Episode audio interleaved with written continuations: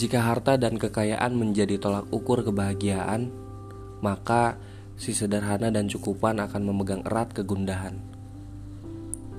Jika jabatan dan kekuasaan menjadi tolak ukur kebahagiaan, maka rakyat biasa akan berteman dengan keresahan.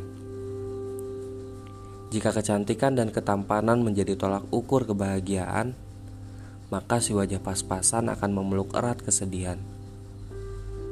Kabar baiknya, kebahagiaan tidak diukur oleh hal-hal tersebut, karena barometer kebahagiaan ternyata tidak terletak pada kekayaan harta, kemafanan, jabatan, dan paras wajah. Kebahagiaan justru muncul dari hal-hal sederhana yang kerap kali datang dari ketidaksempurnaan itu. Pertanyaan terberatnya adalah, apakah kita bisa bersanding dengan ketidaksempurnaan?